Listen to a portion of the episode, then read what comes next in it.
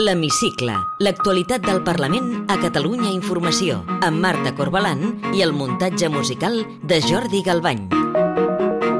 El govern de Pere Aragonès ha decidit no esperar més temps i ha donat llum verda aquesta setmana als pressupostos de la Generalitat del 2024. L'aprovació definitiva al Parlament, però, no està garantida, perquè ara mateix els comptes només tenen el suport dels diputats d'Esquerra i el PSC. L'acord amb els socialistes es va oficialitzar dimarts, una setmana després que els mateixos actors, PSC i Esquerra, tanquessin un acord per als pressupostos de l'Ajuntament de Barcelona. Avui entrevistarem la portaveu dels republicans al Parlament, Marta Vilalta. Benvinguts a l'Hemicicle. Tots els actors polítics involucrats en els pressupostos insisteixen que la negociació a banda i banda de la plaça Sant Jaume ha estat deslligada, però a ningú se li escapa que el pacte entre el president de la Generalitat, Pere Aragonès, i el líder del PSC, Salvador Illa, s'ha tancat només una setmana després que rubriqués l'acord a l'Ajuntament de Barcelona. Amb una encaixada de mans, Aragonès i Illa solemnitzaven l'acord, però el president espera ara poder repetir la mateixa fotografia amb Jessica Albiach. Els comuns són el tercer actor i ells tenen la clau perquè els seus vots són imprescindibles perquè s'aprovin els pressupostos tant de la Generalitat com de la capital catalana. El rellotge ja ha començat a córrer a totes dues bandes, amb calendaris molt semblants, amb la qual cosa les dues negociacions s'aniran barrejant de manera inevitable. I en el cas de Barcelona, amb un afegit. Els comuns no només volen negociar els números, sinó que Ada Colau també vol un pacte de govern amb Jaume Collboni. Anem a PAMS i comencem amb els pressupostos de la Generalitat. Al govern només li queden els comuns com a possibles socis per aprovar-los perquè la CUP ja ha descartat el seu suport i les possibilitats d'un acord amb Junts són pràcticament nules. Sentim la portaveu Mònica Sales i la CUPaire Mar Empordanès. Certament el pacte entre el PSC i Esquerra no ens sorprèn, ho intuïem pel ritme de negociació que han mantingut. El govern ha fet 15 reunions amb el PSC i en canvi amb Junts per Catalunya només n'ha fet 3. Esquerra ha llançat per la borda la legislatura i ha agafat del bracet el Partit Socialista més de dretes de la història del país. El grup de Jessica Albiach, però, no ho posarà fàcil. Hi ha un escull que ho bloqueja tot, el Hard Rock. Els comuns volen que el govern enterri definitivament el controvertit complex turístic que s'ha de construir a Vilaseca i Salou, sobretot en l'actual context de sequera. Però el PSC sí que vol el Hard Rock i el govern assegura que no pot aturar-ne la seva tramitació, tot i que no li entusiasmi. El president aragonès ha demanat als comuns que no posin en risc els pressupostos, que són de gairebé 44.000 milions d'euros, i insisteix que no s'hi ha destinat cap partida per al Hard Rock. El pressupost de 2024 no posa ni un euro relatiu al projecte de Hard Rock.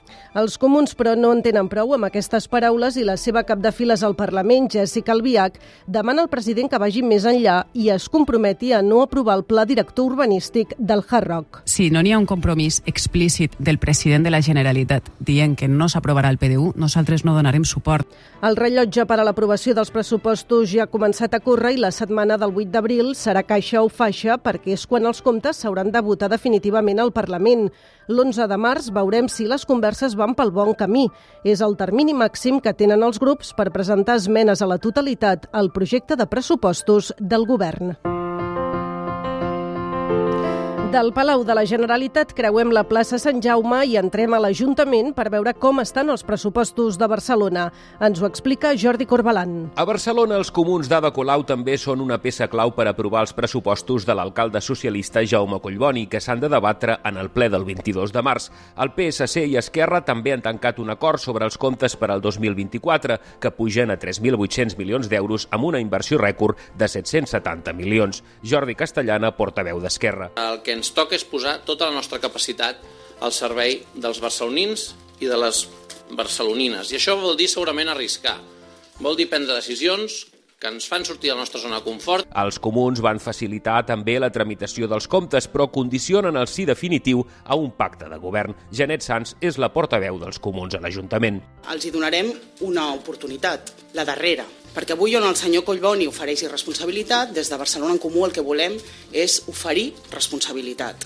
On ofereixen governs en minoria, els hi volem oferir majories sòlides. L'alcalde Collboni creu, però, que cal anar pas a pas i primer tenir pressupost. Està convençut que aconseguirà el suport dels comuns per aprovar-lo abans de Setmana Santa. Perquè nosaltres no ens aixecarem de la taula fins que no tinguem un acord i dialogarem eh, fins l'extenuació per tenir un acord de pressupost municipal de l'any 24. Si no ho aconsegueix, li queda com a últim recurs sotmetre's a una qüestió de confiança. Si l'oposició no aconsegueix trobar en 30 dies un candidat alternatiu a alcalde, fet improbable, els pressupostos quedarien aprovats automàticament. El compte enrere, a l'altre costat de la plaça Sant Jaume, també està en marxa. Té la paraula Marta Vilalta i Torres, portaveu del grup parlamentari d'Esquerra Republicana al Parlament de Catalunya.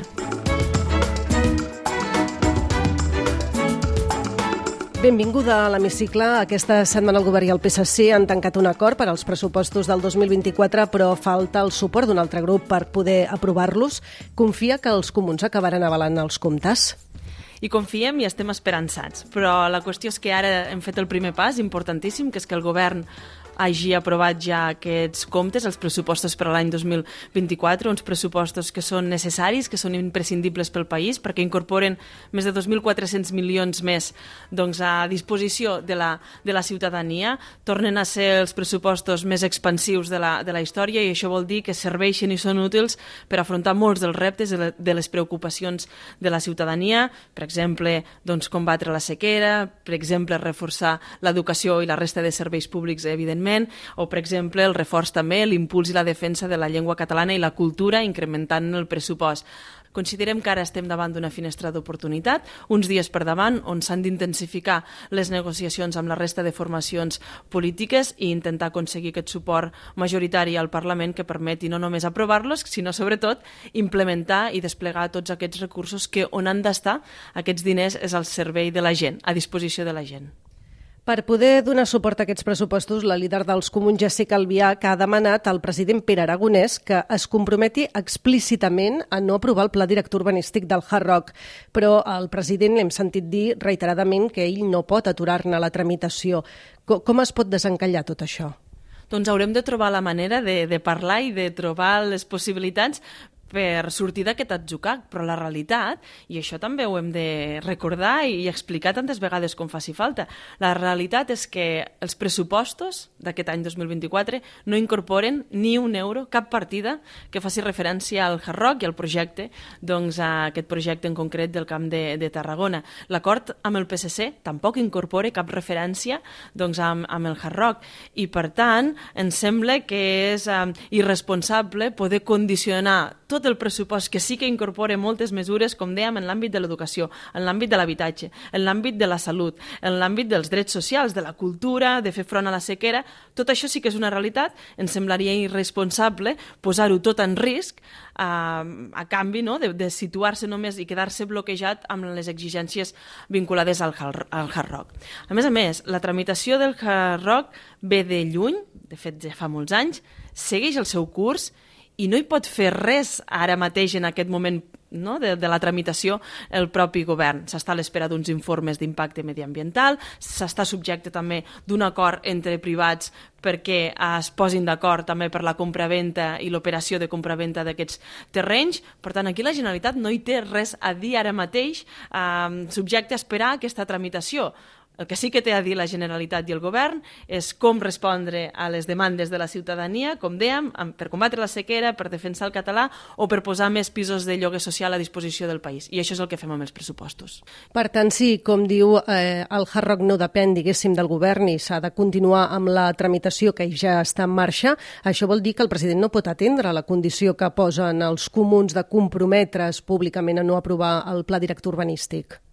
Bé, el, el president eh, veurà quina és la seva possibilitat, però, però és que reiterem, eh, ja s'ha manifestat també el propi president en seu parlamentària, més enllà de les, òbviament, reunions que, que hi ha hagut i que segurament hi haurà, i, i ja s'ha expressat d'aquesta manera, que és un projecte que segueix la seva tramitació, ha expressat el seu compromís per a aquests projectes estratègics al Camp de Tarragona i arreu del país en la industrialització, amb una indústria i una economia més verda també i més innovadora en potenciar l'àmbit de la recerca i en el reforçament de l'estat del benestar i del sistema de, dels serveis públics del nostre país i a la vegada doncs, s'ha mostrat a disposició, òbviament, de, de poder arribar a acords en molts d'aquests àmbits. Per tant, um, crec que si, eh, si només hi ha l'obsessió per aquesta qüestió, estarem fent un flac favor i per això demanaríem, especialment als comuns, però també la resta de formacions, de poder intentar posar l'èmfasi i l'accent en aquelles mesures que sí que podem incorporar en aquests pressupostos, perquè sí que depenen d'aquests pressupostos, com és com reforcem la salut, com reforcem l'educació, com reforcem el sistema de serveis socials del nostre país, com impulsem l'habitatge, com combatem la sequera i com defensem el català. Per exemple, això sí que depèn del pressupost, doncs apel·laríem a centrar-nos en aquestes qüestions i, i poder treballar la resta doncs, de, en altres espais o altra, des d'una altra perspectiva, però no posar en risc aquests diners i aquests pressupostos. Una possible pista d'aterratge s'ha parlat aquests dies que podria ser la proposta de resolució que van presentar els comuns fa uns dies aquí al Parlament i que Esquerra hi va donar suport, que és aplicar una moratòria dels grans macroprojectes mentre hi hagi l'actual context de sequera. Això és factible?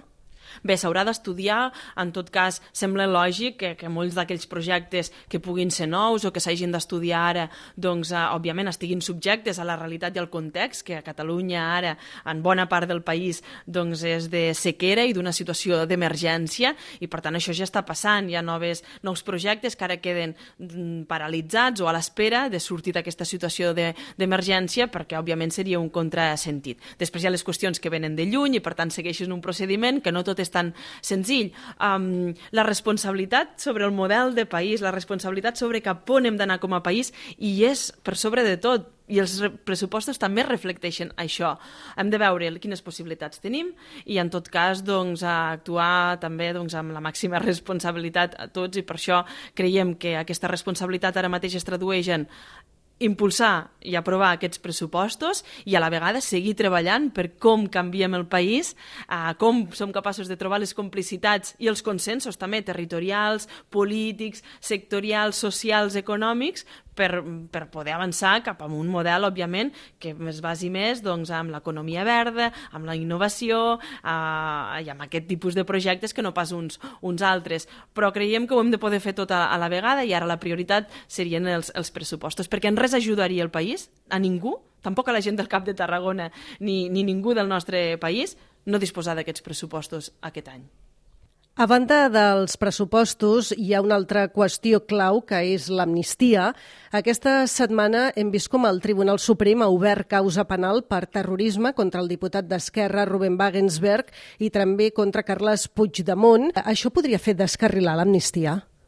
Crec que això fa més necessària l'amnistia, perquè el que tornem a veure és aquesta obsessió malaltissa dels jutges, ara són el Tribunal Suprem una altra vegada, que continuen aquesta persecució, aquesta, mm, sí, aquesta persecució política judicial, aquest, mm, aquesta obsessió per perseguir els independentistes i en aquest cas doncs, el president Puigdemont i el company de files, el diputat també Ruben Wagensberg. Crec que estan fora de si el sistema judicial eh, espanyol, especialment no, els grans tribunals, estan fora de si amb aquesta obsessió malaltissa per perseguir l'independentisme, tenen aquesta obsessió i crec que el que volem recordar i que és de justícia fer-ho és que aquí no hi ha hagut terrorisme. Si li sembla bé, ens endinsem ja en el terreny més personal. Li demano ara si pot contestar amb respostes tan breus com sigui possible.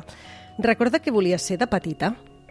Mm, jo, jo crec que m'hauria agradat, o, o de petita, no? volia ser uh, professora, mestra, perquè com que és amb qui tens més contacte, doncs sempre deia, a mi m'agradaria fer això, no? poder explicar, a, ensenyar i compartir coneixement. I crec que vinculat a això, després va ser també el fet que m'encaminés cap a estudiar periodisme, soc periodista, justament perquè és una altra manera de comunicar, d'explicar, de traslladar coneixement. Amb quin diputat o diputada que no sigui del seu grup compartiria un cafè? Mira, crec que ara aniria a fer un cafè, i potser també una cervesa, amb la diputada de la CUP, la Mara Empordanès. Té algun llibre de capçalera? Doncs mira, sí, ara m'estic llegint l'últim llibre de la Irene Solà, Et vaig donar els ulls i em vas mirar les tenebres. L'anterior, el de Jo canto i la muntanya valle, em va agradar moltíssim. Aquest té un punt més fosc, ara estic acabant el primer capítol, en tot cas endinsant-me en la segona part, i, i també molt bé. Té algun viatge pendent de fer? En tinc molts dependents de, de fer, però ara el que estem mirant és de poder anar a Xile perquè hi tenim una amiga que està treballant allà i per tant a veure si ho podem encarrilar relativament aviat per fer un viatge també per visitar el país i evidentment doncs, poder-la veure a ella. I ja per acabar completi la frase següent, el que més m'agradaria del món és... Doncs segurament el que més m'agradaria és que poguéssim tenir un món molt més just en tots els sentits, Marta Vilalta, portaveu d'Esquerra al Parlament, gràcies per atendre'ns a l'hemicicle de Catalunya Informació. Moltes gràcies a vosaltres. Podeu tornar a escoltar l'hemicicle al web catradio.cat barra hemicicle o al podcast del programa i seguir l'actualitat del Parlament al perfil de Twitter arroba L-hemicicle.